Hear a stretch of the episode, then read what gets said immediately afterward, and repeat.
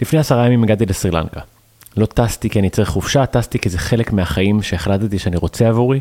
לפני כמה שנים כשהתחלתי את המסע הזה עבר השינוי הכללי והריפוי האישי שלי.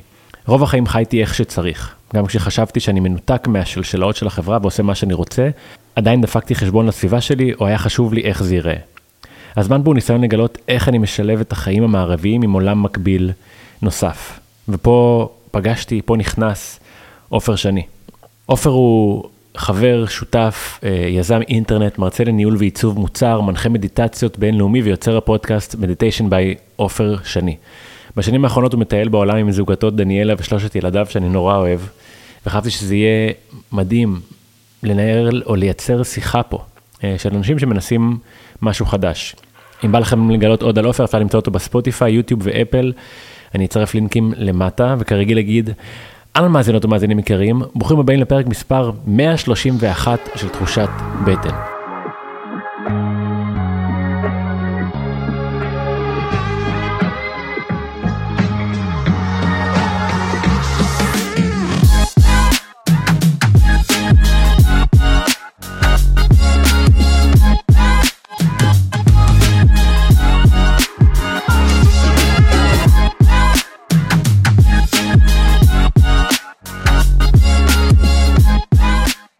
שבוע טוב, אהובות ואהובים, ברוך הבא לעוד פרק של הפודקאסט. אני מתן חכימי, חוקר עצמאי, כותב ומחבר הספר חוקי בטן. בחצי עשור האחרון אני חוקר ומנגיש את הקשר בין הבחירות, האמונות והרגילים שלנו לבריאות שלנו.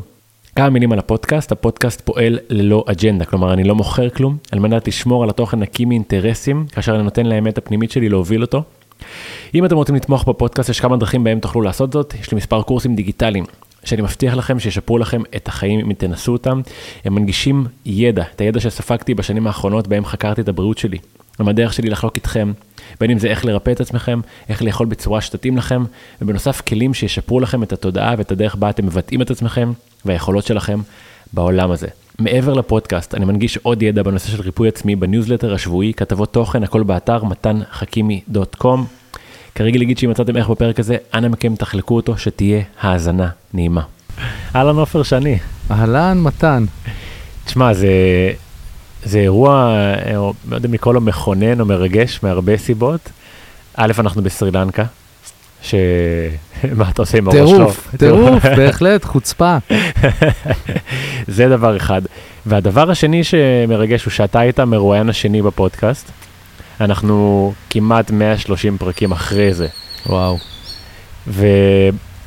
ובעצם אה, אחד מהטייטלים שלך אולי זה שאתה אה, מנגיש מורה למדיטציה, ובעצם אז הבאתי אותך כי חשבתי שזה נורא מעניין שהיית יזם שעזב נקרא לזה את ה...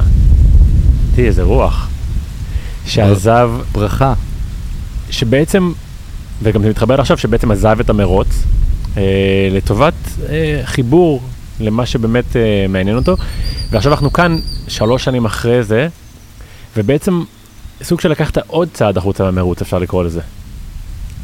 ממש, ממש, חסר אחריות לחלוטין.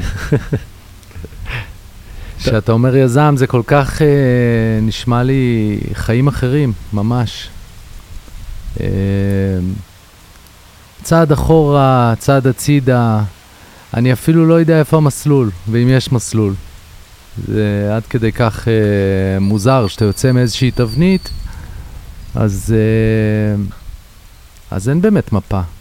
נכון, אבל זה ממש קיצוני, כי בעצם אה, כאילו יזם שמחזיק אתרים אה, שעושים כסף, ואז הוא עושה עליהם סוג של אקזיט, אפשר לקרוא לזה, אבל, אבל בתקופה ההיא אתה כזה עובד כל הזמן בעצם. עובד. כל הזמן, עושה מדיטציות בסתר, אה, גם עם עצמי וגם עם הצוות תמיד, אה, אבל הכסף הוא ה leader בעשייה. ואז מה קורה? מה מוביל לשינוי פתאום? אז אתה מגלה שאין לך drive, שאין לך את האמביציה הנדרשת בשביל לשחק במגרש משחקים הזה. Mm. בהתחלה זה נורא הפחיד אותי. אה, למה אין לי את האמביציה? כאילו, מה הבעיה? מילא תגיד אין לך יכולות, או אין לך אה, כוח של התמדה או משהו כזה, אבל אמביציה אין לך? מה, אין לך רצון כאילו להצליח, to make it? זה היה נורא מוזר להיות במצב הזה. אה, אבל אתה יודע, דיברנו על זה גם קודם, let go, let go, let go. כל דבר שנראה לך שהוא בלתי אפשרי, שזהו, זה, ככה אני מוגדר, let go, let go, ואתה מגלה שסתם נאחזת באיזה משהו. לא כולם חייבים להיות יזמים, לא כולם חייבים להיות מיליונרים, לא כולם חייבים לרוץ אחרי אותו דבר שכל האנושות uh, רצה. Mm. לגמרי. אני, אני כאילו, אני לא אומר לגמרי כי אני פועל ככה אולי, אבל אני אומר לגמרי כי אני, אני מסכים שאנחנו לא צריכים לרדוף אחרי אותם דברים, זה בטוח. אז בעצם הצד הראשון שלך היה אז לעזוב את היזמות, והתחלת ללמד מדיטציה, להעביר סדנאות, להנחות אנשים, ואז עשית צעד נוסף, שבעצם אומר, אני לוקח את המשפחה שלי ואני, ואני מטייל בעולם. כן, זה התחיל בשנה אחת שלקחנו הפסקה אה, לטייל, היינו אז עם שני ילדים, דניאלה ואני, mm-hmm. ו... ואז חזרנו לארץ והתחלתי לעסוק במדיטציה, והתחלתי להפסיק לעשות כסף, ו... ואז קורונה, אה, יצאנו לטיול בישראל, הלכנו לגור בעתלית שנה וחצי. אה, עשינו עוד ילדה, ומאז אנחנו מטיילים, שוב, כבר שנתיים בדרכים, אחרי עתלית. אה, מופלא. אני, אני לא יודע צעד, אני לא יודע להגיד צעד לאן זה, כן? לי זה נראה צעד קדימה, mm. אה, או הצידה. מה שטיפה מטריד בעניין הזה, שאני מרגיש כל הזמן שאני יודע פחות ופחות. אם חשבתי שאני I got it, אז עוד פעם התפכחות. No, you didn't get it. There's more. אתה מבין מה אני אומר? אני ממש מבין ממש, ואני אומר, כשאני, כשכאילו כשאני מסתכל עליך, אני כזה... אתה אומר, אתה כאילו, כשאני רואה אותך ואת המשפחה שלך, אני רואה שלא חייב להיות כאילו כיוון אחד בחיים. שאתה, אתה כאילו, אתם מוכיחים, אני אספר תכף דברים שכזה קרו לכם, אתם מוכיחים שיש ממש דרך אחרת. כלומר, רוב האנושות עושה את אותה דרך, בית ספר, אה, צבא, אוניברסיטה, 9 to 5, פנסיה, ואתם אומרים, רגע, אולי נטייל בעולם ונגרום לזה להיות חיים, ואז יש אנשים, אני אגיד, אני, אני הכרתי אותך, רק את עופר שני. ממש עד שהגעתי לפה לסרי לנקה, ואז זכיתי להכיר את כל המשפחה. והייתי בשוק מרמת ה... האינטליגנציה, היצירתיות, הסקרנות, בעיקר של הילדים. כלומר, הם, זה היה הכי כזה, וואו, זה, זה, הם לא זה במערכת. זה כיף לשמוע, תודה הם רבה. הם לא במערכת, ובכל זאת, כאילו, הם נראים יותר אינטליגנטים ומפותחים כנראה מרוב האנשים שעוברים במערכת שאומרת לך מה לחשוב כל הזמן. ו... ובא לי לספר כזה על רגע, אה, רגע מעניין, שבעצם אני בא אליך הביתה לפני איזה יומיים, ואתה מספר לי שאתה לוקח הפסקה מוויד, אה, לא שזה קבוע בחיים שלך, אבל אתה לוקח הפסקה מוויד, והלילות נורא מעניינים. ואמרתי, ולקח לי רגע, כשהגעתי הביתה לחשוב על אותו אירוע, כי בעצם מה שאתה אומר, מה שמיוחד בעופר שני, יש אנשים שמתרגלים מדיטציה, ויש אנשים כמוך שהם בעצם חיים מדיטציה. ומה זה לחיות מדיטציה? אתה כאילו כל הזמן בנוכחות מאוד גבוהה ובהתבוננות. כלומר, מישהו אחד הולך לישון ואומר לי חלומות מטורפים, מישהו אחד אומר, הלילות מעניינים. ואז, ואני אתן לך להמשיך, הבן שלך רובי בן שמונה קופץ לשיחה, ואומר, כן, וואו, חלומות זה דבר מטורף. לי יש חלומות צלולים לפעמים, שאני עושה מה שאני רוצה בהם, וזה מטורף שהמדענים בוחרים לחקור כל מיני דברים, אבל הם לא חוקרים את החלומות. ואני אומר, הוא בן שמונה, כי אני לא ידעתי להגיד עשירית מזה בגיל שלו. וההתבוננות הזאת היא משהו שבא לי לשמוע ממך עליו כזה, על איך אתה חי. אמ, כאילו, וואלה, אין לי מושג, כן? אין איזה סיסטם או מתודה או משהו זה. הילדים, קודם כל, הם כל הזמן בהאזנה, והם, uh, תודה רבה על כל מה שאמרת, זה מרגיע אותי. אתה יודע, כל הזמן יש uh, לבטים. האם זה אחראי מה שאנחנו עושים? הם באמת לא בסיסטם, שאף אחד לא ישמע אותנו, כן? הם לא בבית ספר. אני אפילו, אתמול בלילה ניסיתי לחשוב אם ליאו היה גדול, היה בכיתה, באיזה כיתה הוא היה, קשה לי לחשב את זה, אני לא יודע. אנחנו עושים home schooling. הם רואים את זוגתי ואותי עושים מדיטציה כל בוקר. ובחצי שנה האחרונה גם איתם, כל ערב אה, אני עושה. אז מה קורה שאתה עושה מדיטציה? אתה מגלה אה, עומק שהוא חסר צורה. זאת אומרת, לא בדיוק uh, אתה מבין מה אתה רואה שם או מה אתה מרגיש שם. כמו שאתה יודע, גם אתה מתרגל מדיטציה. לא ברור מה עובר עלינו ברגע הזה, אבל אחרי שאנחנו יוצאים מזה, אז משהו מזה נשאר בחיים, ומה שנשאר בחיים, אני חושב שזה אותה פתיחות להתרחבות, לגילוי, לסקרנות. Uh, אתה יודע, לילות מעניינים. מה זה מעניינים? זה מטורף, זה עוד חיים שלמים ש- שאני חווה בלילות כשאני לא מעשן. אז... Uh, זה הכל מתחבר אצלי גם לעניין הזה של uh, חרדות, כי לאחרונה גיליתי שה... הלא ברור מה הולך, הלא ברור... בוא נתחיל רגע מאיזה מקום. לא ברור מה הולך פה בעולם הזה, נכון? חד משמעית. לי אין מושג מה הולך פה.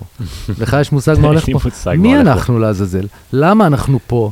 מה אנחנו אמורים לעשות? כאילו נזרקנו בלי שום מניואל, שום הוראות, למה מה הולך פה. אה, ואני כל הזמן אנחנו מחפשים רמזים. מה אפשר, ל... אה, ממי ללמוד, מחפשים מורים. אה, לאחרונה יש איזה דימוי שאני מתחבר אליו של פאזל של 8 מיליארד חלקים, ויש מורים לכל החלקים בפאזל, אוקיי? חוץ מלחלק שלך. זאת אומרת, אני יכול uh, ללמוד מהאיש הזה על החלק שלו בפאזל, פרפקט, או על איזה פינה שמאלית עליונה של הפאזל, או פינה ימנית תחתונה של הפאזל. מה שבחיים אני לא אוכל ללמוד ממישהו אחר זה את החתיכה שלי, שבעצם זה מה שאני אמור, זה מה שאני, ה drive שלי לגלות, מי אני. אה, והמדיטציה נותנת איזשהו, איזושהי הצצה ל, לאפשרות, ו, ומה אני מגלה. אתה יודע, אני לא יודע אם זה ברור כל הדברים שאני אומר עכשיו, זה קצת מבולגן. הלכתי לעשות journey של פטריות בקליניקה, בשביל להבין האם מה שעובר לי בראש הוא, הוא הגיוני, מה הדברים, ש, איך שאני חי, איך שאני חושב, האם, מה... רציתי, רציתי לגלות על זה יותר, וכל החיים פחדתי מסמים פסיכדליים. אבל הלכתי לקליניקה באופן אחראי ועשיתי את העניין הזה, ומה ראיתי שם? ריק גדול מאוד. ראיתי ריק גדול מאוד של איזה רגע הפחיד אותי גם, כי אני הבנתי שאני יכול לקחת את זה למקום טוב, את הריק הזה, ואני יכול לקחת את זה למקום רע, עם ה mind שלי, עם התודעה שלי. והיה לי מאוד לא נוח להיות במקום הזה, כי אמרתי, או, או, הופה, הופה, הופה, אפשר לקחת את זה למקום רע, לא מתאים. תן לי רגע לחזור למקום הטוב. זה מה שחוויתי שם לפני איזה שלוש שנים, שנתיים, אולי שלוש שנים. אה, וגיליתי שזה אותו מקום של חרדות בלילה, אותה ריקות. אותה ריקות ש... שהיא בעצם פוטנציאל טהור. והיום, אם תשאל אותי מה זה החיים האלה, מה הולך פה, מה שהולך פה, האמת שלו, זה מה שקורה בלילה. שאנחנו עוצמים עיניים וגם מה שקורה שאנחנו מתים. זה פוטנציאל טהור של הוויה, של יצירה, של מפורמלס, מחצר צורה, מחסר, מ- מריק לחלוטין, למלא בתוכן. ואתה יכול לבחור איזה תוכן אתה ממלא. אז שרובי אומר חלום צלול, אני יכול לעוף, אני יכול לעשות מה שאני רוצה ואני יודע שאני עושה מה שאני רוצה תוך כדי חלום. אז uh, הוא השתמש בפוטנציאל הזה, ועם מודעות כזו, אפילו תוך כדי שינה, ברא לעצמו איזה משהו שכיף לו לעשות. ואנחנו מתעוררים כל בוקר לתוך אותה קרקע, שאנחנו יכולים באמת לברוא לעצמנו חוויות והתנסויות. אבל אני לא זוכר למה הגעתי להגיד את זה. מה, מה בעצם, על מה אנחנו מדברים? דיברת על רובי. אמרת קצת על הנושא הזה, שכאילו שילבת באותו משפט קודם את הנושא של וויד אה. ואת הנושא של חרדה, נכון. ו... ואז אמרתי, מעניין כאילו אם חרדה זה עדיין דבר שאתה כאילו רואה אותו, וחשבתי לעצמי כשדיברת של, לא נראה שמישהו יכול לחיות את החיים האלה בלי רגע של חרדה, כאילו זה בכלל לא עניין, נכון. אבל אתה לא, זה לא שאתה חי כאילו על וויד כל החיים. לא, ממש לא, וגם הוויד לא מה שעושה לי חרדה. כשדיברנו על הוויד אתמול או שלשום, אז אני רואה בזה רפואה. אני רואה בכל מה שסביבנו רפואות, ואנחנו יכולים לפעמים אה, אה, אה, לשתות מהבאר הזה, ולשתות מהבאר הזו, ולשתות כל מיני רפואות, והוויד הוא רפואה שאני רוצה שקט, שאני רוצה מנוחה, שאני רוצה להפסיק לחיות בתוך הראש, ואני רוצה חוויה יותר של כאן ועכשיו, נטולת כל אספירציה, נטולת באמת רק fun, או להתחבר למוזיקה, אני יכול לעשן ג'וינט. אה, ובתקופות שאני לא מעשן ג'וינט, שזה יכול להיות חצי שנה פה, שנה שם, ארבעה חודשים, שלושה חודשים, אז אני חי את החיים הנוספים של הלילה, כי פתאום יש לי מודעות אה, בזמן השינה, אתה יודע, ה prime time הזה של מ-3 עד 6 בבוקר, מהמם. פריים טיים של החלומות, זה פשוט מתנה, זה פשוט... ואם אני קם לעשות פיפי וחוזר, ואני נכנס שוב לאיזה חלום, זה פשוט... אין דבר יותר מעניין מזה. מהמם. מה הולך שם, ואיך זה יכול להיות? ולמה פה זה כל כך uh, מוחשי וחומרי, החיים האלה פה בעירות, ואיך שם בלילה, מה זה? לאחרונה אני מרגיש כמו אייפון שמתחבר לחשמל, אתה יודע, שאנחנו מטעינים את האייפון, זה בעצם השינה שלנו כבני אדם. אנחנו רגע מתחברים לסורס, מהמם. אה, לקבל פאוור, בשביל לחיות את ההבל הזה של הבוקר, אתה יודע, ולאכול את כל השיט הזה שאנחנו אוכלים אה, כל היום. אז, אז הוויד בשבילי זה רפואה, אבל אה, תחום עניין יכול להיות רפואה, אה, קשר יכול להיות רפואה, אה, המקום שאנחנו יושבים בו הוא רפואה, כל סרי לנקה היא רפואה בשביל שנינו עכשיו, מוזיקה היא רפואה. אתה יודע, אני, מה שמעניין במה שאתה אומר, אמרת קודם, אה, אולי זה נשמע כאילו מבולגן וזה, אני חושב שא' ככה עובד המוח האנושי באמת, כאילו כשהוא לא מתכונן לראיון ורק כן. בא לעשות סדר, לא בא לדבר את מה שהוא חושב, הוא לא מנסה להסתיר את זה.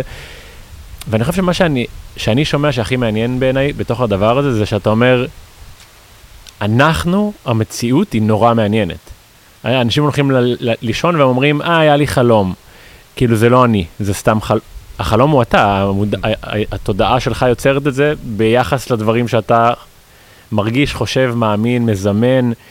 אז אני, אני, אני, אני חושב שיש לזה ממש הרבה מקום, או שצריך להיות לזה מקום, כי במציאות שאנחנו חיים בה, הכל נורא מהיר. אולי זה כאילו חלק מההצצה לפריבילגיה של לצאת מהמרוץ, אבל. העולם נורא מהיר, אתה לפעמים עובד מהבוקר עד הערב, עוד בערב עוד רואה טיפה טלוויזיה, עוד בטלפון, עוד בבר עם חברים, בדייט, לא משנה מה, שהכל אחלה, אבל אתה לא עוצר שנייה לחשוב. אז, אז, אז בואו נחזור אולי רגע לזה שאתם, כאילו אני, אני פתאום אתמול קלטתי, היה לנו שיחה כזה קצת, ואפילו המילה כזה לצאת מהמטריקס עלתה, ואז אמרתי, לא, זה, הם יצאו מהמרוץ, זה מה שזה, זה לא יציאה מהמטריקס, זה לצאת מהמרוץ, זה לבחור עכשיו, להתנתק, אנחנו חיים פה, שנינו ב- בסרי לנקה, משלמים פה פחות מחצי משכר דירה של ישראל, פחות מחצי בחשבונות, פחות מחצי מהאוכל, אה, כל, כל יוקר מחיה יורד בחצי, אם לא, אם לא לפעמים, אם היינו משקיעים יותר ומגיעים בזמן הנכון וזה, אפשר לחלק את זה בעשירית אפילו. אני מניח משכר דירה של תל אביב, להשכיר בית מקומי פה שאפשר להשכיר ב-200 דולר, דיברנו על זה. לכלום הוצאות, ואז היום כולם כמעט יכולים לעבוד מרחוק, או למצוא דרך לעבוד מרחוק, אז מטורף. איזו הזדמנות, כאילו הזדמנות שנייה לגלות מי אתה בתוך העולם הזה. נכון, אבל אני לא יודע אם אנשים, רוב, רוב האנשים לא, לא פתוחים ל, ללכת לטריטוריה הזאת. אנשים אוהבים מפות, אוהבים מפות, הם לא באמת אוהבים את הטריטוריה, ללכת ברגליים, את מה שאתה יודע, יקראו את הספר הזה, יקראו את הספר ההוא, יתעניינו בחלומות צלולים, לא באמת יפסיקו לעשן בשביל אה, לחוות חלול, חלומות צלולים. יקראו על תזונה, זה אגב דבר מדהים בך, שדניאלה ואני שמים לב, שאתה הולך ברגליים את מה שאתה מדבר עליו. זאת אומרת, כן. אנחנו יושבים במסעדה, אני אחטא, ב... יחטוא, יחטא, בלאכול רוטי. אתה בשום אופן לא, אפילו לא תחטא ותחטוא, איך אומרים את זה? בחריף, כאילו, אתה באמת... אז אני אומר, הטריטוריה, ההתנסות, היא, היא הדבר. אני לא מחזיק מהמשפחה שלי אנשים לא חכמים, כולם מאוד מאוד חכמים, ואני מאותת להם כבר שנתיים, חבר'ה, אני פה עכשיו חצי שנה בספרד, בואו, זה מדהים, בואו לגליסיה. אנחנו עכשיו פה כבר ארבעה חודשים בסרי לנקה, בואו, בואו תצטרפו אלינו, זה זול נורא. יש מלחמה בארץ, בואו. אה, לא באים. למה לא באים?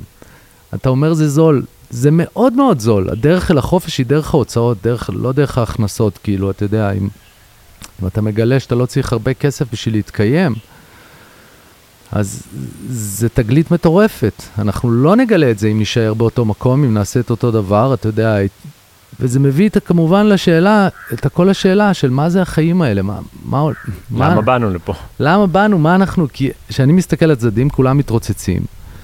וכולם מתרוצצים בעיקר אחרי ההישרדות הזו של הכסף. אה, יש כל מיני מילים של הגשמה עצמית, אה, כאילו בפרונט של הדבר הזה. מהמם. למה זה ככה? למה, אתה אתה יודע, כולם באיזושהי משימת כיבוש אני מרגיש אה, של משהו.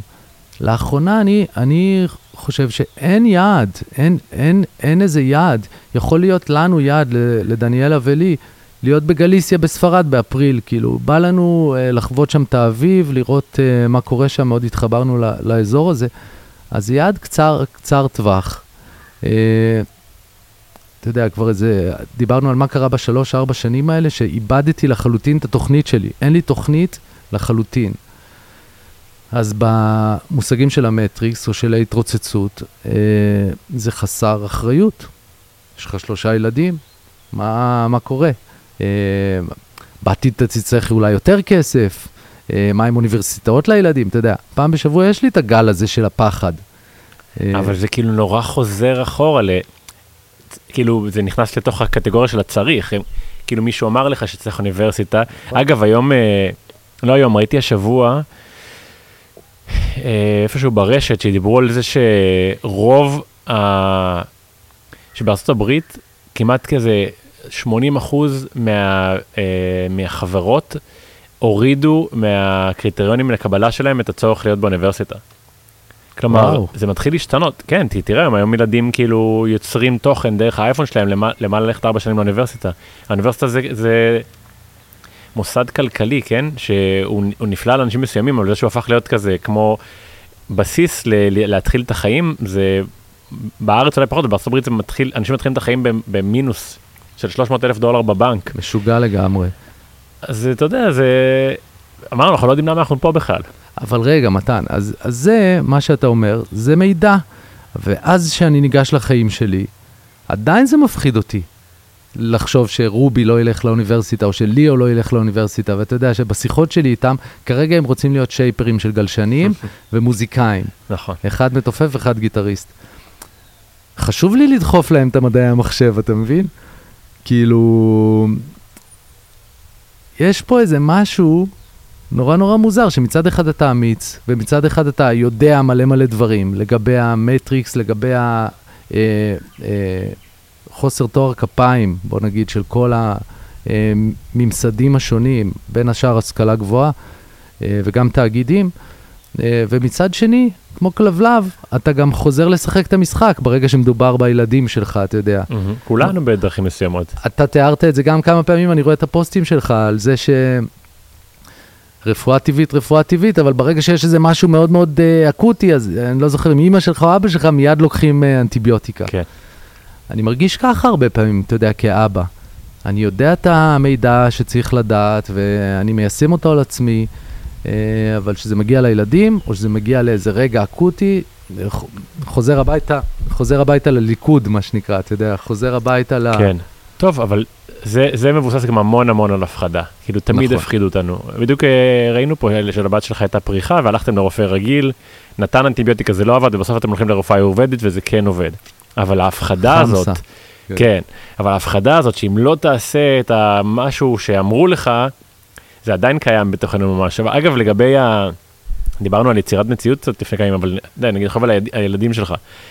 אם הם ירצו ללכת לאוניברסיטה עוד 10-15 שנה, זה לא משנה אם אין לך כסף בבנק או לא, הם ירצו ללכת, הם ילכו, כן? כאילו, אני בטוח שאם אם הם יבואו עם, אה, במיוחד עם הסיפור חיים שלהם, ויבקשו מלגה, ייקחו אותם בתוך שנייה. וואלה, הלוואי. אתה יודע, אבל גם מצד שני, אני גם רואה את ה... אתה יודע, אני רואה גם את ההתנהלות שלהם פה, סביב כסף, סביב יזמות.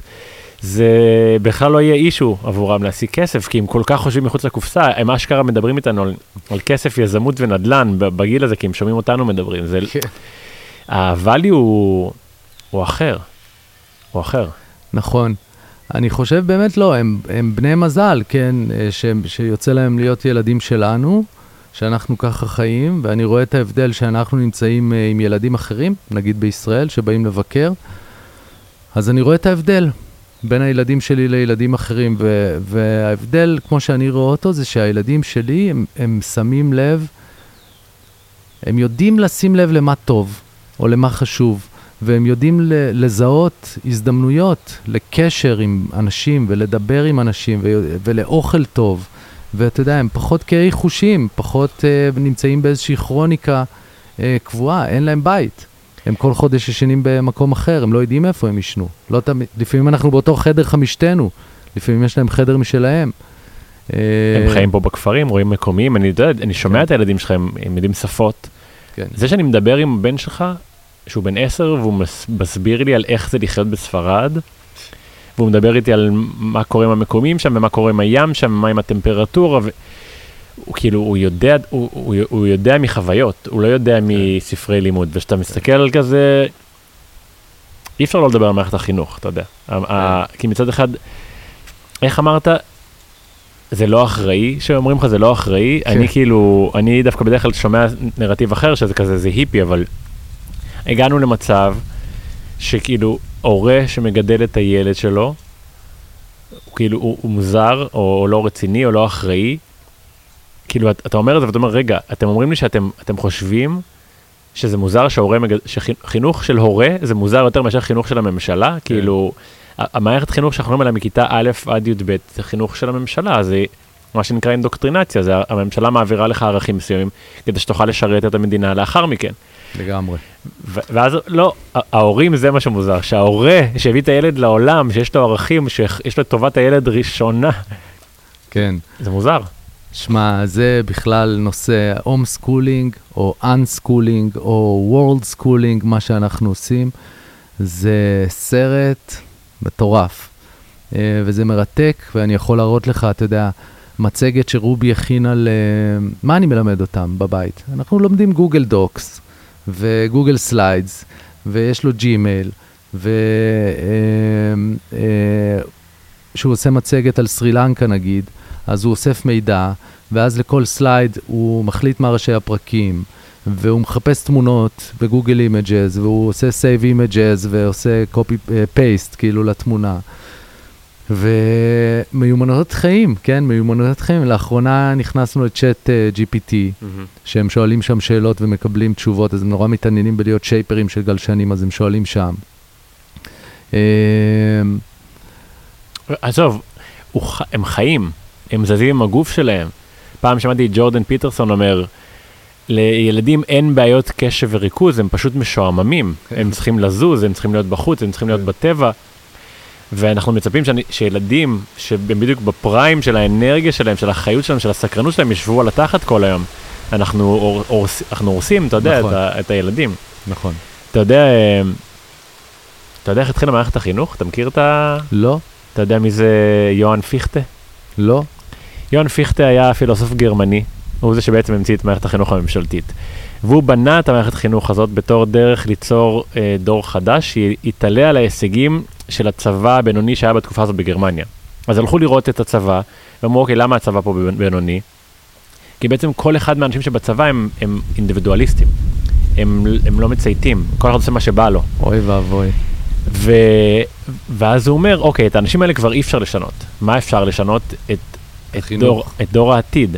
אז בעצם הוא האמין שמערכת חינוך צריכה לבנות אנשים צייתנים שיבנו צבא חזק וישלמו מיסים. זו הייתה ההגדרה, זה כבר לפני כמה מאות שנים. זה הבריף, אלוהים.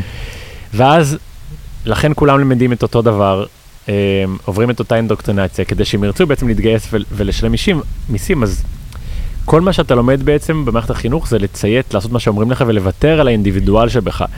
ובעיניי לכן לוקח לאנשים כל כך הרבה שנים לגלות את עצמם, המציאות שאנחנו חיים בה, כי, כי כאילו אתה צריך לפרק את כל מה שלמדת כדי להבין שנייה מי אתה, ובגלל זה אנשים בגיל 20, בגיל 30, בגיל 40, בגיל 50 מלאים בשאלות, כי כל התהליך התפתחות שלהם היה דרך מערכת שנועדה לגרום להם פשוט לציית, וזה מבלבל נורא.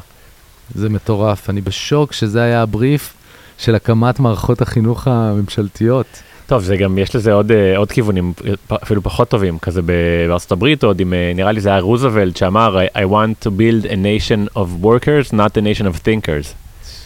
אז אתה יודע, אנחנו כזה, הסיכוי שלנו להגיע למה שנועדנו להיות, על החופש הזה שלנו, שנגיד נעשה מה שבא לנו בחיים האלו, מאוד מאוד קלוש. למרות שאתה מרגיש את רוח השינוי עכשיו, אתה מרגיש את זה שאנשים איפשהו, זה כאילו קורס מבפנים המערכת. אנחנו מבפנים קורסים. כן. אה, אנחנו, we can't take it anymore, זה מה שאני הרגשתי בעבודה שלי. שאני לא יכול לעשות אותה, אני, אני לא יכול להסביר למה. ואני מרגיש שיותר ויותר אנשים כבר לא יכולים לאכול את השיט הזה, או לשתות את המשקה הזה של האחידות, של הציות, ואתה יודע, למשל, הדבר הכי קיצוני זה העבדות שלנו הכלכלית. אני מרגיש שאנחנו קמים בבוקר כבר לחוב, כאילו, זאת אומרת, אנחנו קמים בבוקר אם אנחנו צריכים לישון ולאכול, ו... אז זה אומר שאנחנו צריכים לעבוד איקס שעות, אתה קם במינוס. קם במינוס. אמ, אלה הכבלים המרכזיים, אני חושב, כבלים מפני מה? מפני זה שבן אדם יוכל fucking לשאול את עצמו, מה בא לי לעשות, במה אני טוב, במה אני כישרוני, איך אני יכול לתרום, מה יעשה אותי מאושר. זה שאלות שאף אדם לא יוצא לו לשאול את זה כמעט, כי הוא כל היום באיזשהו מרוץ. אז אתה יודע, יש את העניינים של הדרכה רוחנית ותקשור ודברים כאלה, אז כשאני שואל את השאלות האלה של אה, מתי זה פאקינג יקרה, מתי זה כבר יקרה, המצב הזה שנפסיק להיות עבדים של השיטה הזו רק בשביל לשרוד, אה, רק בשביל להיות פה. אה, אז אומרים לי שזה סייק, שזה תהליך ארוך של 50-100 שנה, Mm-hmm. שהדבר הזה ישתנה. ומצד שני, אני לא יכול לקחת בזה חלק. אז כאילו, אז עוד אין לי את הפלטפורמה לחיות. זאת אומרת, ב, נגיד, אני ודניאלה, דניאלה ואני לא עובדים. Mm-hmm. עובדים מעט מעט מאוד. אה, וצריך כסף. ואת כל הדברים שאני עושה במדיטציה, אני עושה בחינם. כמעט את כל הדברים. מאינדיבידואלים אני לא גובה כסף, רק מתאגידים, וגם מעט אה, עושה. אה, וזה גם חסר אחריות. אז אני אומר לעצמי, רגע, אז מה אני אעשה עכשיו? 50 שנה, 100 שנה של טרנזישן, אני חייב להתפרנס ממשהו, אני חייב... ואני, התשובה שאני נותן לעצמי זה, אתה חייב להיות דוגמה חיה. אתה רוצה, אתה רוצה עתיד אחר? בוא תראה לי איך הוא נראה, בוא תראה לאחרים איך הוא נראה זה, ולכן אני מגיע שוב למקום הזה של החינם, של לתת בחינם, של לא לגבות מאינדיבידואלים, בשביל לשחרר אותם גם מהתלות הזה. אתה רוצה ללמוד מדיטציה, אתה רוצה לתרגל מדיטציה, זה מה שלא יעלה לך כסף, אוקיי? בוא על זה לפחות אל תחשוב. תעסוק עדיין במגורים שלצערי הם נורא יקרים עדיין, ובאוכל שלצערי הוא נורא יקר עדיין, למרות שיש שפע אינסופי בעולם, שאת זה אנחנו רואים כאן בסרי לנקה, של פירות וירקות זולים. Mm-hmm. כל מה שארוז הוא יקר, כי מאחורה יש איזשהו תאגיד, שדגים גם הדגים זולים, לא רק הזה. זולים בטירוף, כל מה שלא ארוז. כן. כל מה שלא לא נגע בתאגיד, שבא מהטבע ודרך אדם אחד נמכר אליך, הוא, הוא זול נורא. אז הטרנזישן הזה, אני חושב, הוא נורא כואב. אני לא יודע כמה זמן הוא ייקח, השחרור הזה מהתלות בכסף, אה, אבל אני חושב שהוא קורה מהר, כי אנחנו מבפנים קורסים, אנחנו לא יכולים לאכול את השיט הזה יותר. את השיט הזה, אני מתכוון, של לעבוד במשהו שאנחנו לא אמורים לעבוד בו. לעסוק בעשייה יומיומית שלא מיטיבה איתנו. אני כאילו אוהב את מה שאתה אומר, אבל אני לא, לא מתחבר לרעיון שאתה לא צריך לגבות כסף מאנשים על מה שאתה מלמד אותם. לדעתי זה בסדר גמור, במיוחד כשזאת עדיין המערכת, כן? אי אפשר שרק עופר ישתנה ולא ירוויח, כאילו, אפשר, אבל כאילו, נכון. נראה לי חבל. אנשים גם, לדעתי אנשים שמחים לש, לשלם על דברים ש, שמפתחים אותם בסופו של דבר. כן. אבל, אה, אבל מצד שני זה נשמע כאילו כזה קצת, אה, כאילו פריבילגי, מה אתה אומר, כאילו, אתה יכול, איך אתה, כאילו, היו, היו אקזיטים, היו עניינים שאתה גרמו לך להיות מסוגל. עבדתי קשה, ככה. עבדתי קשה 20 שנה יותר אוקיי. בטק, ו- ובאמת יש uh, כמה נכסים קטנים שמניבים לנו, אבל אני יכול להגיד לך שהתקציב החודשי של כל המשפחה, חמישה, חמש נפשות, הוא נמוך יותר מאדם אחד בתל אביב שחי. כן. אני חי עם אפליקציה שאני כותב בה כל הוצאה, כל בירה, כל גלידה, כל אה, בוריטו, וכמה עולה רכב ליום, וכמה עולה בית כזה או אחר ליום, ואנחנו חיים על בדג'ט נורא נורא. אני רוצה להגיד משהו לסקפטים, כי א', יש שם מדינות בעולם, באירופה, אה, ביניהם יוון, איטליה, ויש עוד, אבל אני לא בטוח, שמציעות שטחים וגם בתים, לא רק בחינם, הם גם ייתנו לך כסף אם תעבור אליהם. אז כלומר, יש תמיד משהו שאתה יכול לעשות עם החיים שלך, אם אתה רוצה לצאת מהמרוץ הזה. ואז יש את האופציה, בעיניי, המיוחדת ביותר, והיא הזרה ביותר, והיא נקראת, אה, נקרא לזה ריבונות אישית מוחלטת. ומה זה אומר ריבונות אישית מוחלטת? היום אנחנו חיים במציאות שבה אנחנו תלויים בממשלה כדי להתקיים. בסופו של דבר, אתה צריך את החשמל, את המים, את האספקה של האוכל, אה, ומה זה אומר ריבונות? וזה יותר מאתגר לעשות, נקרא לזה בעולם, במדינות מערביות, אבל אתה עובר למקום אחר ואתה קונה בו שטח.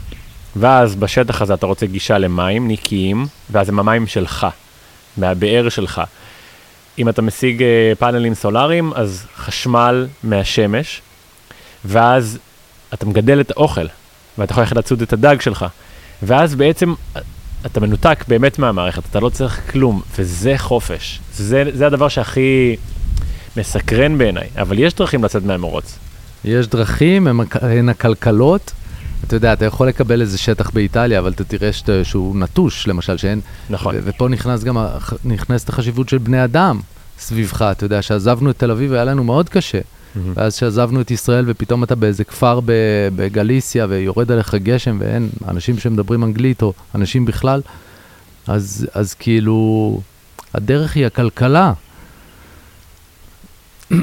אבל אין ברירה. אני רואה את החיים שלי, אני רואה ש, שזה מגיע לשם.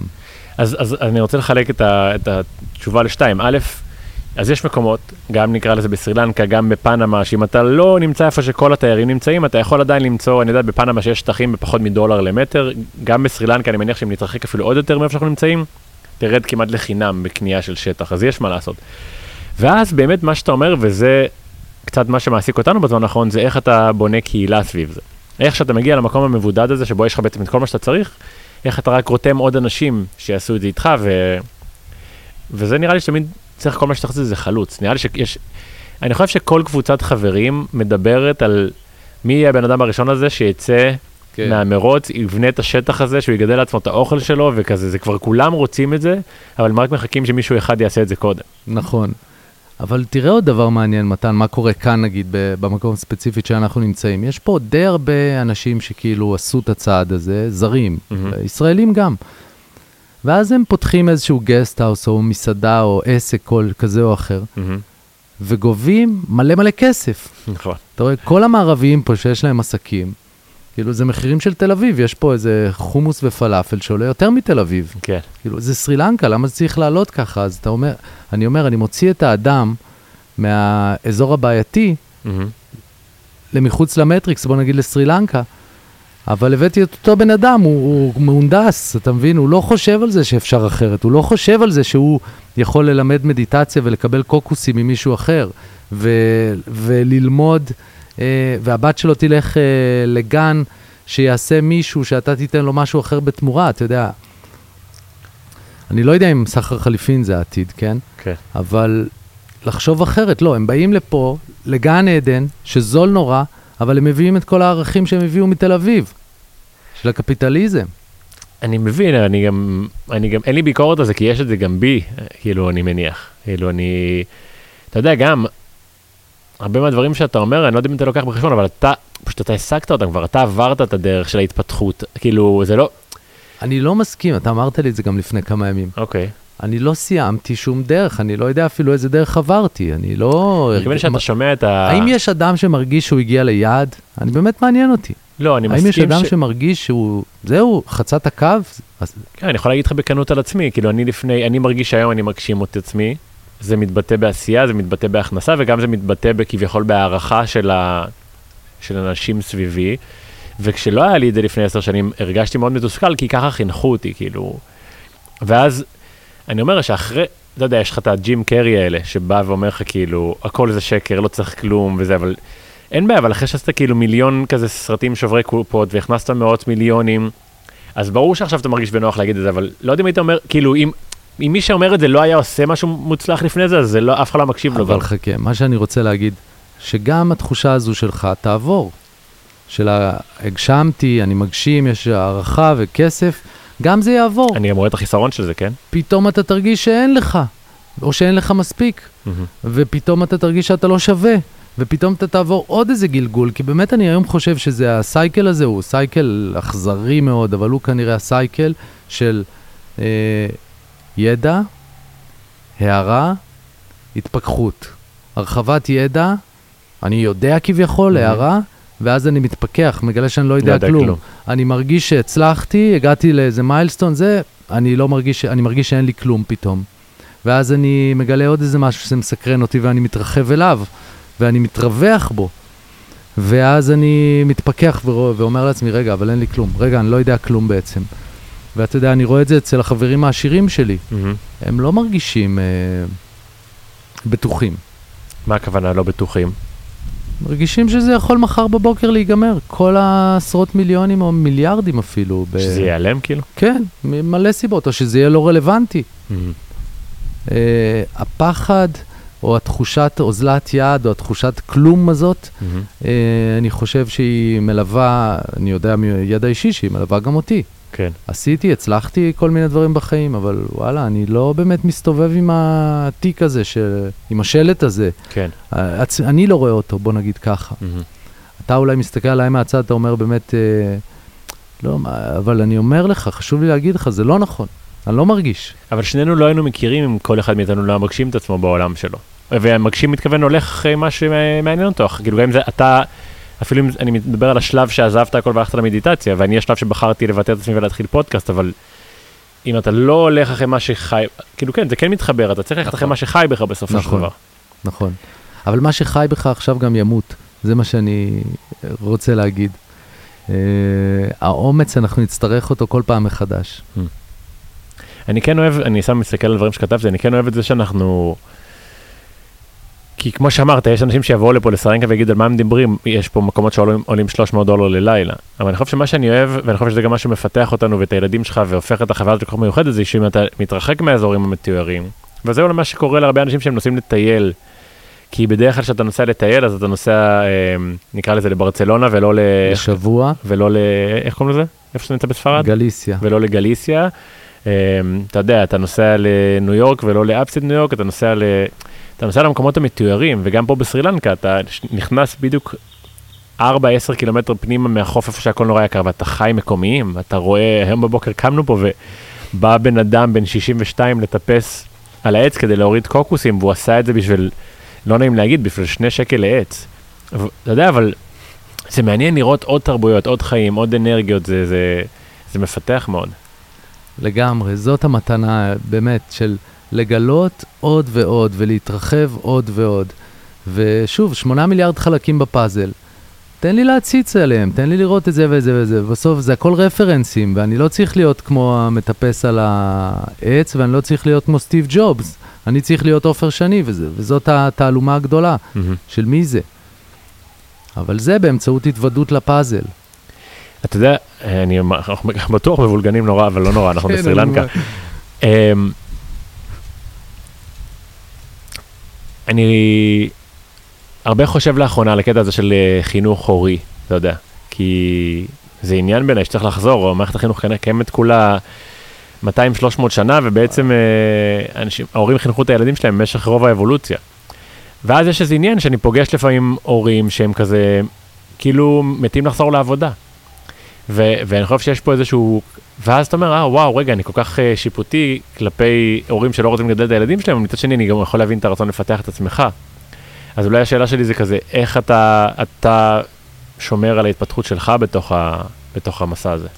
יש לי חברה טובה אה, מתקשרת בישראל, מהמם. שמרית, והיא, איזה פעם, אנחנו מדי פעם נפגשים כשאני בארץ ואני מדבר איתה, ואז היא איזה פעם אמרה לי, בואנה, זה מדהים, אתה כל ה... את כל הייעוד שלך, את כל הדברים שאתה עושה, אתה עושה מול ציבור נורא נורא קטן, אתה המשפחתי. מהמם. כאילו, לכל אדם יש כמה ציבורים שהוא פועל מולם. אה, בעבודה ובבית, ויש את ההורים שלו, ויש את החברים שלו לתחביב הזה ולתחביב האחר ולספורט ולזה, וכל מיני ציבורים שהוא פועל. והיא אומרת, אתה כבר לא מעט שנים, רק בחמישה אנשים האלה. מהמם. ו- ואתה עושה את כל העבודה, את העבודה של העצבים, ואת העבודה של הכיף, ואת העבודה של השנאה, ואת העבודה של האהבה, ואת כל התתי נושאים האלה מול אותו ציבור. אז... ואתה צודק שזה שואב לגמרי, ואתה צודק בזה שהרבה אנשים, העבודה בשבילם זה המפלט. זאת אומרת, הם נמצאים uh, בדיי ג'וב, שהם בורחים מהבית בשביל, כאילו, העבודה היא החופש שלהם, בוא נקרא לזה אפילו ככה. עכשיו המילואים זה חופש להרבה אנשים. נכון, כן. נכון. אז, אז כן, במובן הזה, אה, כאילו זה מלחיץ, כי זה 24/7. מהמם. אה, אתה בתפקיד ההורה, אז איך אני שומר על, ה... על ההתפתחות שלי? תשמע, זה קורה אה, באופן טבעי. אני אתן לך דוגמה. קמתי באמצע הלילה לפני כמה חודשים ולא יכולתי לנשום, הרגשתי באמת איזשהו אה, ענן, עננה כזו של אה, חרדה. ואני ניגש לטלפון עם היד בשביל לראות מה השעה, ואני מסתכל ורואה מה השעה, ואיכשהו, משום מה, אני נכנס לאינסטגרם, משום מה, כן? לא, א', חשבתי על זה בדרך לפה, אם זה מוריד חרדה אולי באמת, להיכנס ל social media, פתאום זה מוריד לך את, העיסוק האובססיבי של ה mind.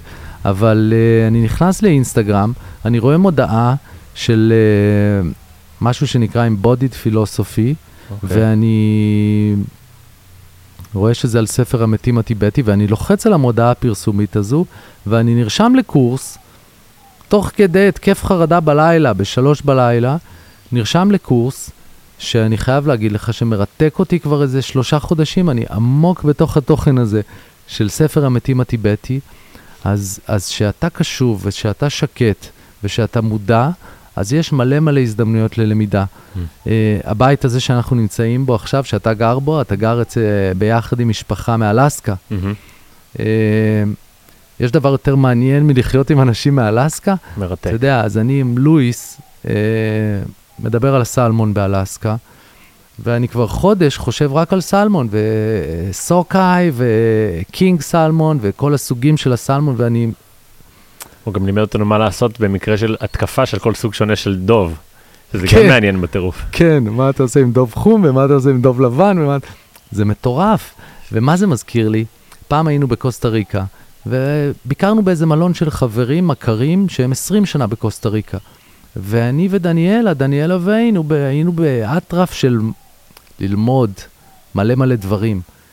קונדליני הייתה שם מורה טובה, וכל מיני דברים איזוטריים מעניינים, ואני בא אליו, ליואב, בעל המלון, החבר הזה, ואני אומר לו, אולי תבוא איתי לקונדליני הזה, ל ecstatic dance הזה. הוא מסתכל עליי ואומר לי, מה יש לך מכל הדברים האלה? למה אתה רוצה את כל הדברים האלה? אני אומר לו, מה זאת אומרת? יש פה אחלה מורים. אה, לא מעניין אותך מורים טובים? אז הוא מסתכל עליי ואומר לי, אתה מורה שלי, והוא מורה שלי. והיא מורה שלי. ורק היום אני מבין על מה הוא דיבר. כן. והוא צודק לגמרי. אז אני, שאני מסתכל על לואיס הזה, מאלסקה, בשבילי זה אוניברסיטה, זה יותר טוב מכל אוניברסיטה, אתה יודע. Mm-hmm. ובמקרה קורס בספר המתים הטיבטי, אז אחלה, ודניאלה פתאום באיזה breath work לקחה קורס, ועשתה גם קורס הילינג, ואתה יודע, סקרנות, הנה באתי אליך, ראיתי איזה ספר על השולחן אה, אתמול, חשבתי עליו uh, בערך 12 שעות מאז, והנה, אולי אני אקח אותו לאיזה תיקח, שבוע. תיקח אותו. אז אני אומר, זה הכל אוניברסיטה מסביב. אני, לפני שהחלטתי לבוא לסרילנקה, אה, לרגע כזה כמעט מעדת, לא מעדתי, כמעט יצאתי מהתוכנית שלי ואמרתי אולי ניסע לתאילנד. ודיב, ודיברתי עם איזה חבר, הוא אמר לי, מתן, אתה לא מבין, זה כמו כאילו ריטריט אחד שלא נגמר פה. ואמרתי לעצמי, וואו, זה הדבר האחרון שאני רוצה עכשיו, מיליון סדנאות, זה לא... אני, אני באמת... מה, בתאילנד הוא אמר? שזה כן. כמו ריטריט שלא נגמר? אגב, גם פה חיברת אותי לאיזה קבוצה כזה עם כל מיני יוגה וכאלה ו ecstatic, ואני לא הולך לכלום, אני כאילו... ברור.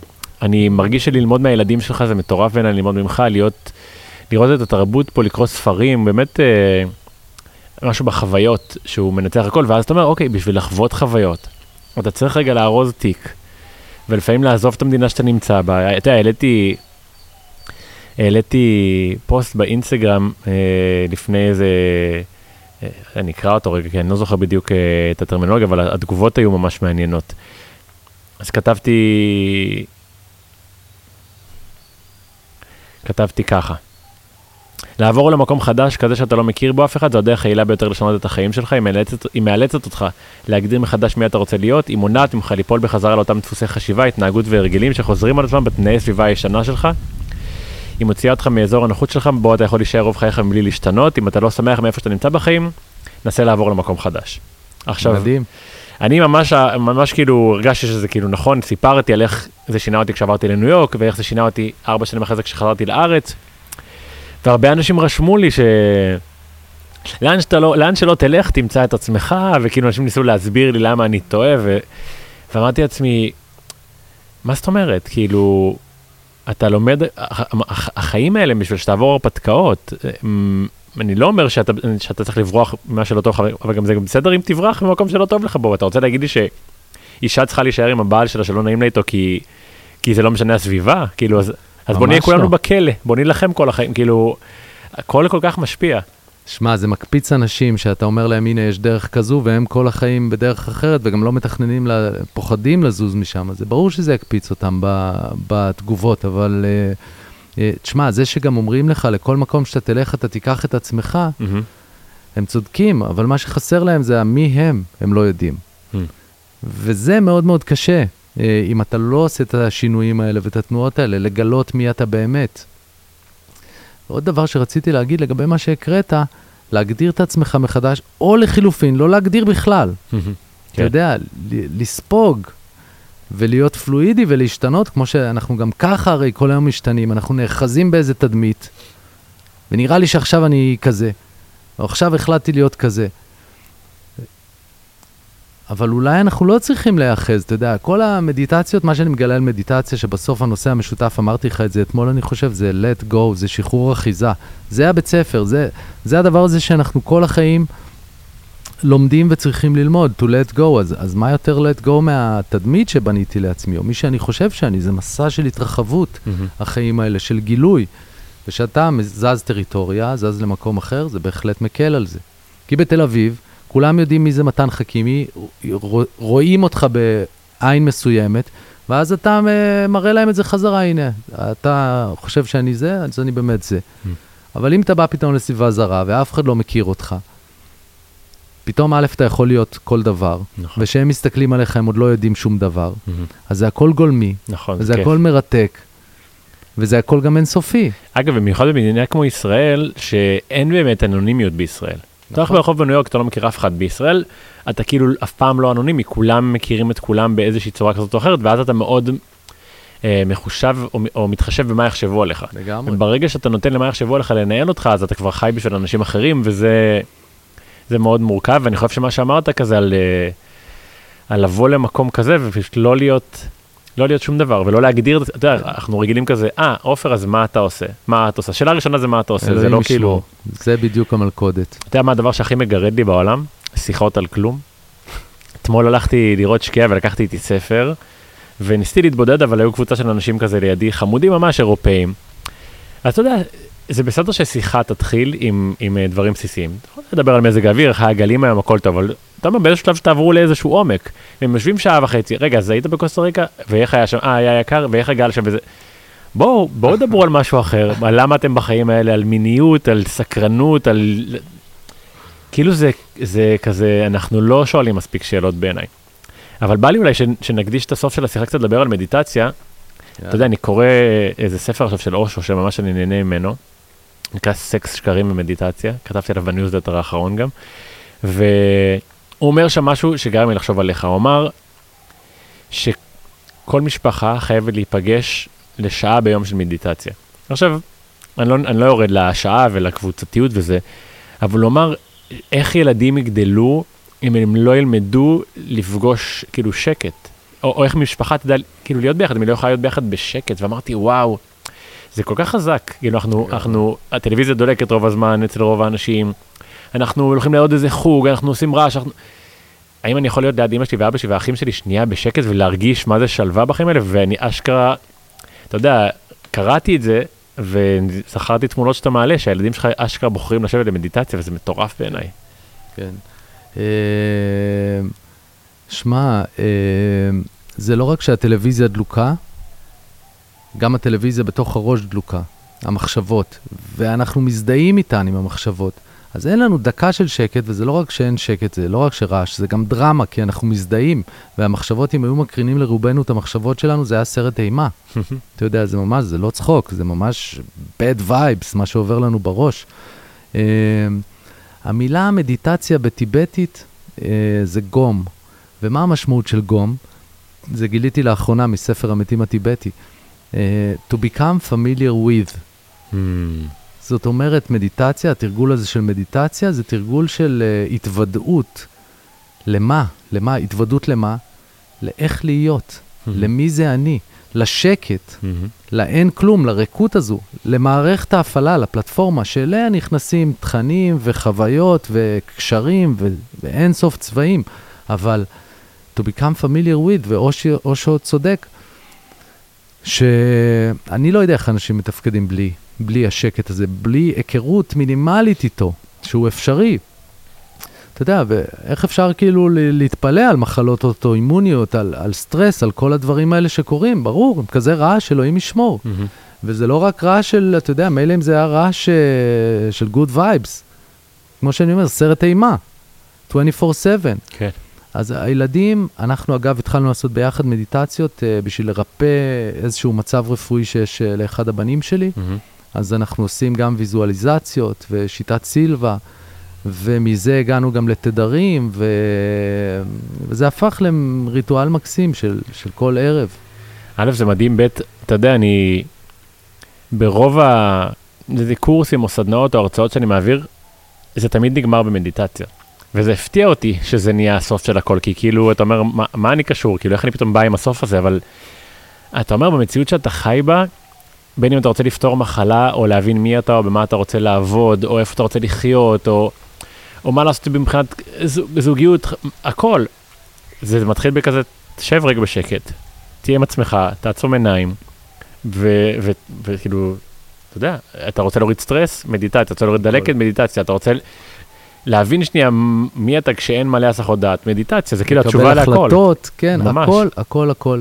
אני באמת חושב שממש בקרוב לא יהיה אדם על הפלנטה שלא יעשה מדיטציה, בטח בעולם המערבי. בוא נגיד, במזרח פחות צריכים את זה, כי יותר מחוברים לכאן ועכשיו, ופחות בראש חיים.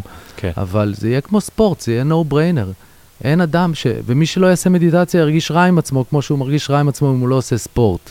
אתה יודע, זה ממש השריר הזה של ה mind, או הריקות הזו, שאנחנו כולנו נצטרך אותו בשביל לשרוד, כי אנשי ה marketing נהיים יותר חכמים, והטכנולוגיות נהיות יותר חכמות, וההתמכרויות נהיות יותר מורכבות, אה, ואנחנו צריכים לרכב על הנמר הזה. כן. אתה יודע, בסופו של דבר, כל הדברים האלה שאמרנו עכשיו, הם, אה, הם פשוט כאילו להיות כזה, זה... היום זה כאילו לעשות מדיטציה, לעשות ספורט, לאכול בריא, אבל בעצם, אם תעלה פה עוד יותר להרים, הם לא צריכים לעשות ספורט, הם פשוט בתנועה, הם נכון. לא צריכים לאכול בריא, הם פשוט אוכלים את האוכל שיש, והם לא צריכים לעשות מדיטציה, כי אם אין להם טלפון או מיליון אחד הם דעת, נוכחים. הם נוכחים. נכון. שזה כאילו ה... זה, זה, אתה יודע מה לקחתי עוד מהספר הזה של אושו? הוא אמר את זה איפשהו, אבל הוא כאילו אמר, אה, כשאתה עושה משהו, אז תגיד לעצמך שאתה עושה אותו, אז נגיד, אני נכנס להתקלח, אני מתקלח, אני מדהים, מתקלח, אני איזה מתקלח. יופי. כי אתה יודע, אתה נכנס למקלחת, איזה ואתה חושב על יופי. מיליון דברים, ואתה יכול לשכוח, כמו שאתה מגיע, עם.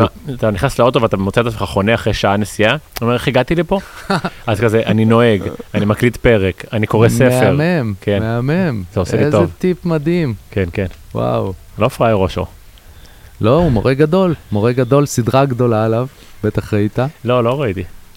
טוב, תגמור קודם את כל הספרים שלו, ואחרי זה תראה את הסדרה. אגב, אתמול שמעתי לך שישבתי ושמעתי אנשים מדברים לידי וקראתי ספר, אז התחלתי לדבר עם איזה שתי בנות, והם אמרו לי, מה אתה קורא? אז אמרתי, סקס ספרים, אה, סקס שקרים ומדיטציה של אושו, אז הם כאילו עשו פרצוף כזה שהם לא ידעו מי זה אושו. ואז אמרתי, וואו, כאילו, הם מאנגליה, כן? כאילו, אז אמרתי לה, תשמעי, הוא אחד המ- המורים הרוחניים הגדולים בעולם בערך. היא אמרה, טוב, אז אני אבדוק את זה. זה קטע. כאילו, עכשיו, כיף לה, רגע, א', כיף לה שיש לה את זה. שזה לא יישמע לרגע כאילו אני אמרתי את זה באיזושהי התנסות, אני גם כנראה לא ידעתי מי זה אושו עד לפני שנתיים או שלוש, אבל זה מעיד כל כך הרבה על מה אנחנו יודעים, שאנחנו חושבים שזה האמת, לכל מה שאנחנו לא יודעים, שזה עולם ענק של אינפורמציה שבאמת אה, מפתחת ומרגשת ועוזרת להתפתחות שלנו כבני אדם. לגמרי, ותודה רבה, אגב, לתחושת בטן, שגם אני באופן אישי למדתי המון נושאים uh, מהפודקאסט, מהסחורה של רן קליף ונאדר בוטו, זה הביא אותי לשיטת סילבה ולמיליון דברים מרתקים, כן, זה זכות ללמוד מאנשים אחרים. לגמרי. אגב, בתחילת או סוף הספר, אז רשום על, על המחבר, ואז נתנו, אני כבר לא אזכר, אבל נתנו שני, שני ציטוטים. אז היה כזה, נראה לי, ניו יורק טיימס אמרו שהוא אחד מהמאה האנשים הכי משפיעים בעולם. Ever כאילו? כן, נראה לי, ואז מישהו אחר אמר, ואני לא זוכר מה השם שלו, שהוא אה, הבן אדם הכי מסוכן בעולם אחרי ישו. אחרי ישו.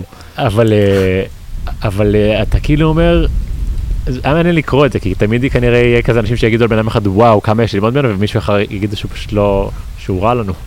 שמע, כל דבר מעניין הוא דבר נפיץ, והוא דבר שיש לגביו דעות, ואנחנו מספרי סיפורים ואנחנו צרכני סיפורים, וזה בדיוק, אם באמת במקור יש ריקות, אז על זה, זה קרקע לבנות מלא דברים, מלא תכנים, מלא דעות, מלא צבעים. צריך ליהנות מהכל וצריך להיזהר, לא להיאחז באיזה משהו ספציפי ולדעת לזרוק לפח ולבנות מחדש ולזרוק לפח ולבנות מחדש. ולעשות את זה במקום ירוק עם קוקוסים. כן, שאמרת בהתחלה, אה, to let go, to let go, to let go, וגם הסברת יפה את ההקשר, אבל זה היה נשמע כזה מאוד uh, גדול ולא מובן, אבל בעצם אתה אומר, כאילו בעצם זה הדרך היחידה, כי אם אתה נורא נאחז ברעיון של בין אם זה האזרחות שלך, הדת שלך, הלאום שלך, ההשכלה שלך, ההיררכיה המשפחתית שלך, אז כאילו אתה, ואתה לא משחרר אף פעם, אז זה, זה כמו כזה, איך אומרים את זה, שאתה צריך כזה כמו להשיל שכבה של אור ואז זה גדל כן. אחת חדשה, כן. אה, שנחשים עושים את זה נגיד, לא, לא יודע, אבל אתה חייב להוריד משהו כדי שמשהו נכון, אחר יקרה. נכון, כאילו יש את העניין הזה, החיים כבצל.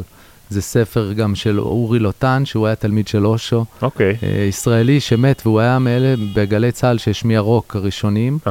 והוא מופיע בסדרה על אושו, באיזה רגע מאוד קיצוני בסדרה, רואים אותו לרגע את אורי לוטן, עבדתי איתו ביחד במעריב איזו תקופה, והוא כתב ספר החיים כבצל.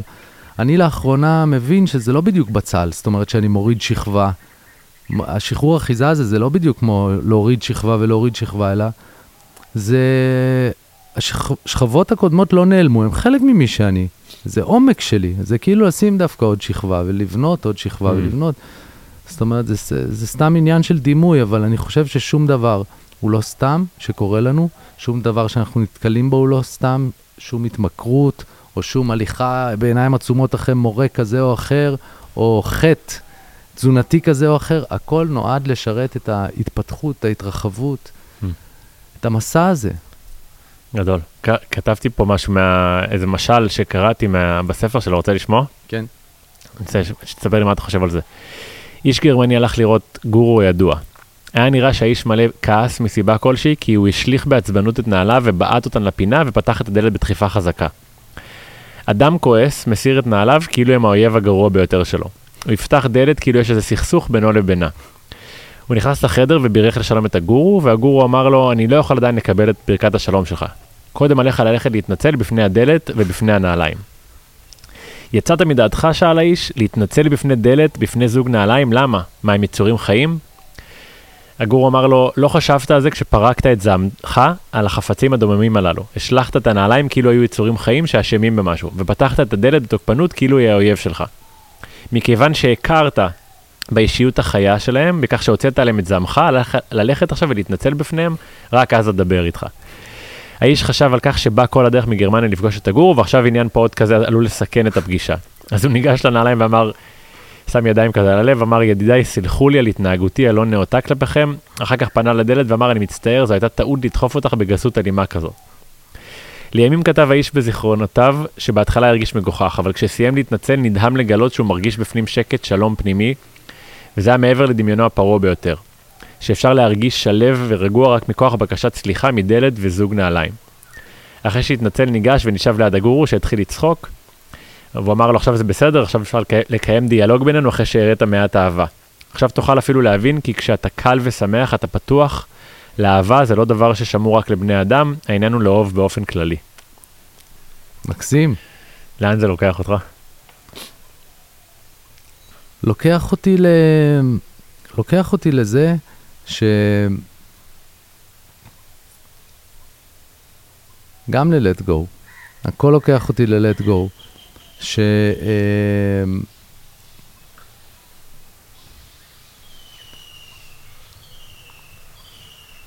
הלך לי קו המחשבה. בסדר. כן. אני אגיד לך מה אני, מה אני חייבתי? כן.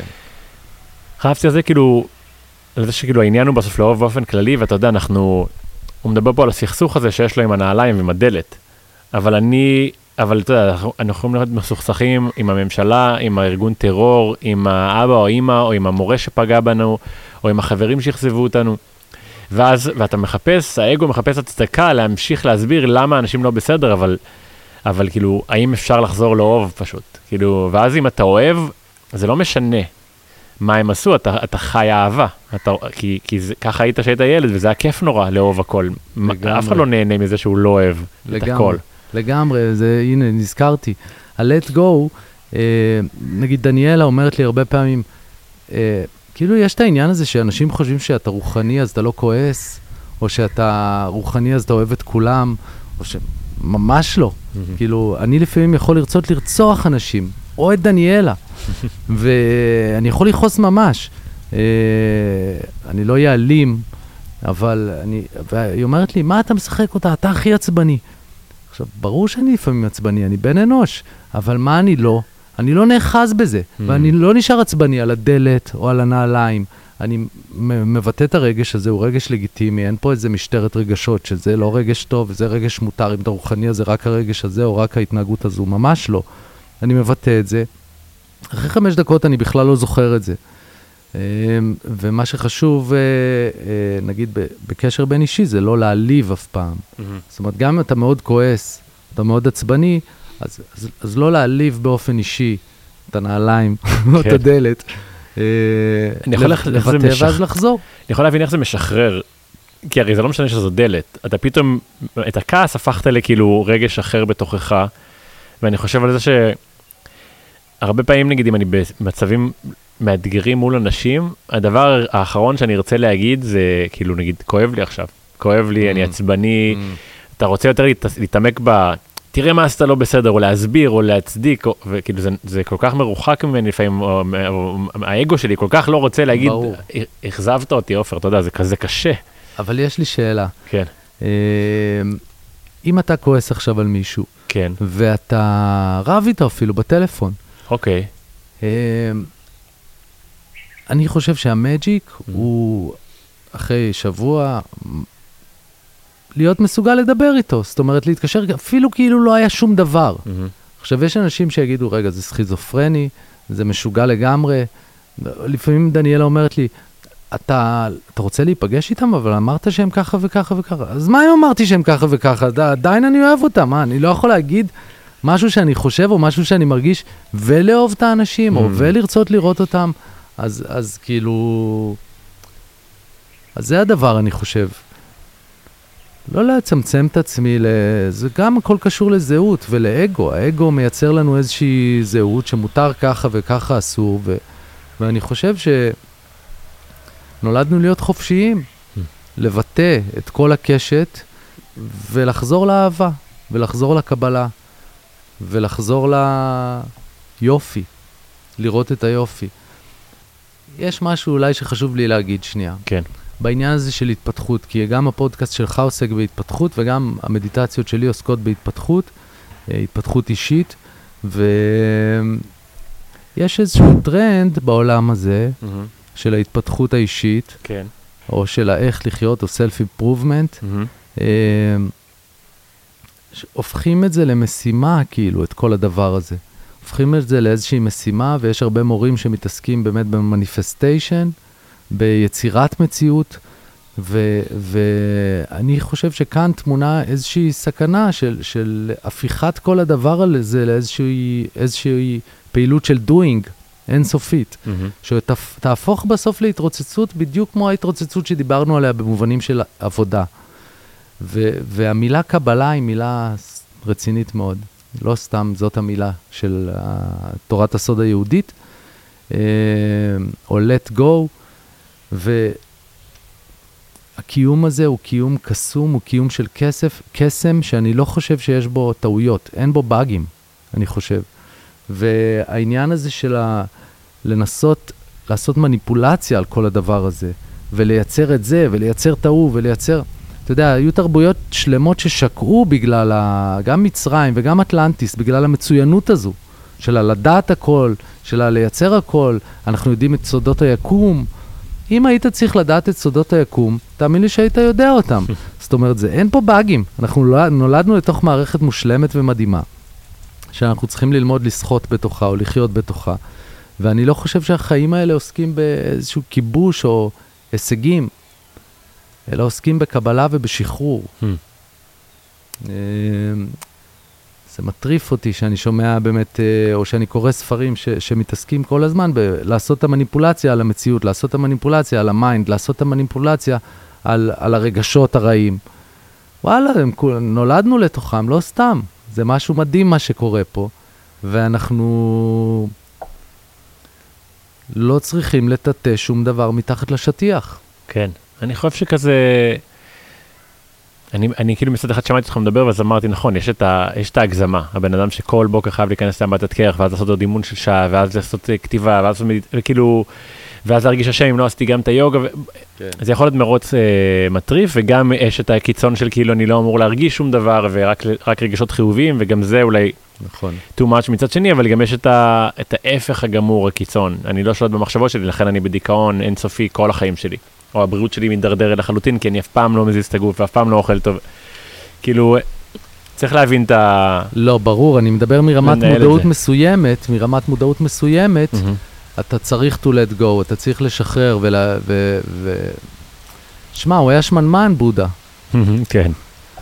א', מגניב, וגם, אה, אתה יודע, אני חושב שהמילה כזה היא כמו כזה איזנס, נוכחות. כאילו, כן. פשוט, כזה, זה הדבר שתמיד חסר בכל הדבר הזה, גם אצלי בחיים, כמה ש... כאילו, אם אני יכול להיות פשוט כאן, שקורה משהו. כולם. כן. זה עבודה אינסופית. נכון, היא אינסופית בטוח. טוב, עופר שני, כיף וואו. שבאת. תודה רבה שהזמנת, איזה כיף להיות. זהו ליום אהובים, כיף שנשארתם עד סוף הפרק, מקווה שמצאתם ערך בשיחה שלי עם עופר, כרגיל להגיד שאם כן, אנא מכם, תחלקו אותו, גם אם זה עם אדם אחד, כדי שנוכל להביא יותר חופש, ריבונות ורפואה אל תוך העולם הזה, שיהיה שבוע נהדר, ולהתראות בשבוע הבא.